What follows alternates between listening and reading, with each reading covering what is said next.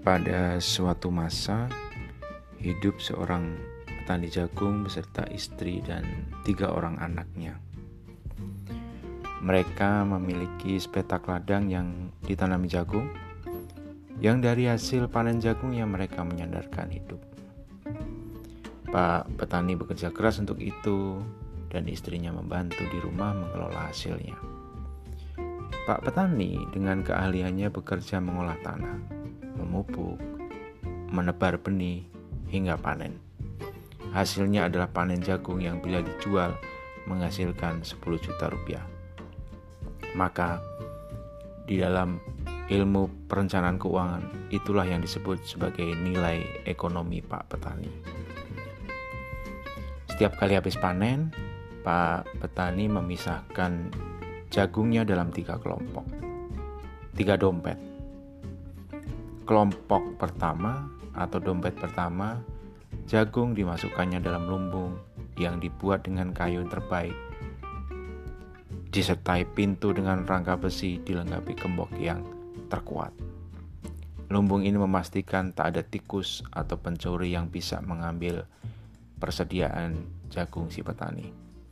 Tapi tetap saja, ada tikus yang lolos atau bagian jagung berjamur yang mengurangi stoknya maka inilah yang dinamakan inflasi. Sesekali, bila ada kebutuhan, dibukanya lumbung untuk mengambil jagung yang bisa dimakan, diolah menjadi kue, atau sebagian diparter dengan garam atau ikan asin. Namun, karena hanya diletakkan dalam lumbung, yang diperoleh petani ini hanya aman. Biji jagung yang simpan di dalam lumbung tak bisa berkembang menjadi pohon jagung yang menghasilkan. Inilah yang disebut dengan konsep saving atau menabung. Dia bisa mendapatkan rasa aman, tapi tak bisa mendapatkan perkembangan. Lalu ada kelompok kedua atau dompet kedua. Jagung di kelompok ini dipilih dan disebar di ladang yang sudah dikemburkan tanahnya serta diberi pupuk. Maka dari benih ini akan tumbuh pohon jagung dan dalam beberapa waktu mendatang bisa dipanen dan menghasilkan tambahan jagung. Benih dari biji jagung yang disebar ada yang tumbuh dengan sangat baik, ada juga yang mati karena hama atau layu, tidak tumbuh sebagaimana mestinya. Artinya, tidak semua benih yang disebar menghasilkan hasil yang baik. Ini yang dinamakan sebagai risiko pasar. Perbuatan Pak petani jagung menebar jagungnya di ladang dan merawatnya ini adalah pekerjaan investasi. Lalu ada kelompok ketiga atau dompet ketiga. Pak petani berkongsi bersama beberapa temannya sekampung membentuk satu kelompok tani. Mereka sadar bahwa bekerja di ladang, kena panas, kena hujan, membuat kesehatan mereka tak selalu bisa prima. Mereka bisa sakit, bahkan bisa meninggal karena sakitnya itu, dan tak bisa lagi mengolah ladang.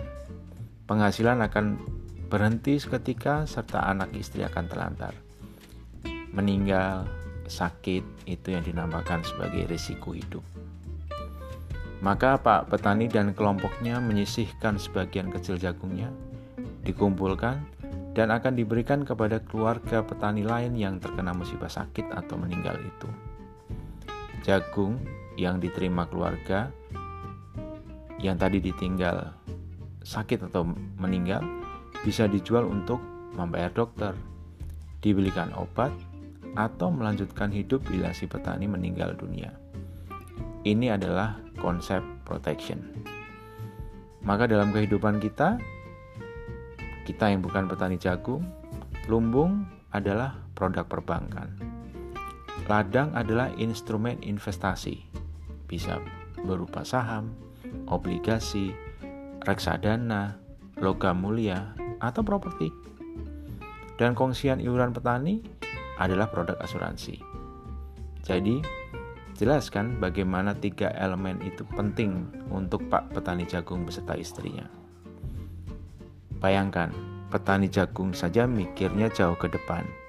Ini mosok yang intelek, leher tiap hari dikadasi, ngomong soal ideologi negara, tapi nggak ngerti saving, investment, dan protection. Malu dong. thank you